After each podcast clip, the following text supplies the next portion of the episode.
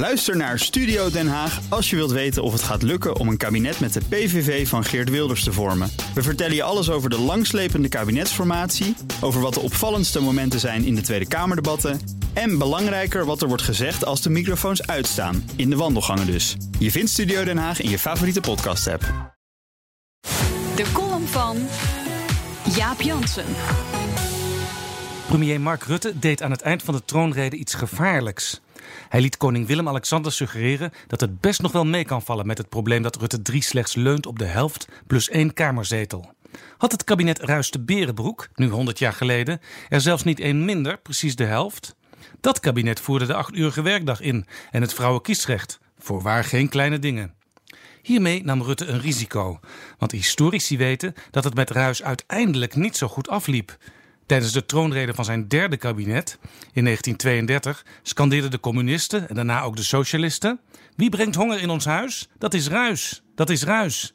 Wie maakt onze centen zoek? Dat is Ruis de Berenbroek.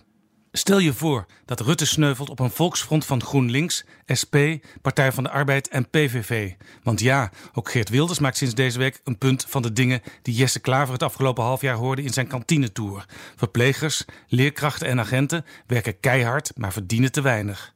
Als zelfs Wilders het niet meer heeft over migranten en Europa, zijn vaste pijnpunten, ja, dan moet er echt wat aan de hand zijn.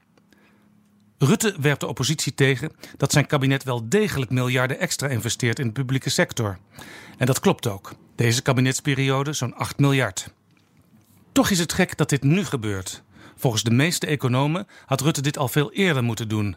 Zijn kabinetten bezuinigden toen het slecht ging met de economie en geven uit nu het goed gaat. Dat heet pro-cyclisch beleid.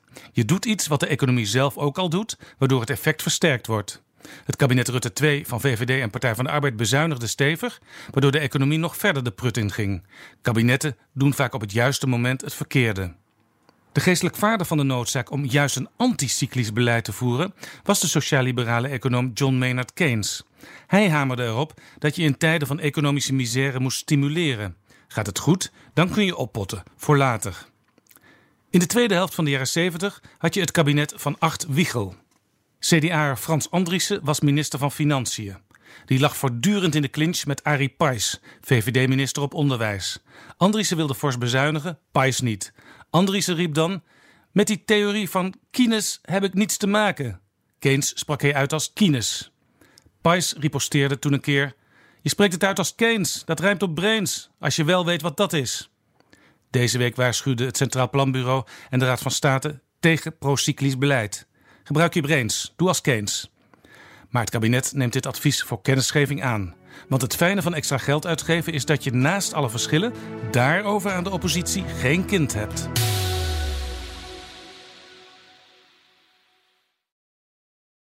Ook Harm Edens vind je in de BNR-app. Je kunt BNR Duurzaam niet alleen live luisteren in de app, maar ook terugluisteren als podcast, zoals al onze podcasts. En naast dat de BNR-app Breaking News meldt, houden we je ook op de hoogte van het laatste zakelijke nieuws. Download nu de gratis BNR-app en blijf scherp.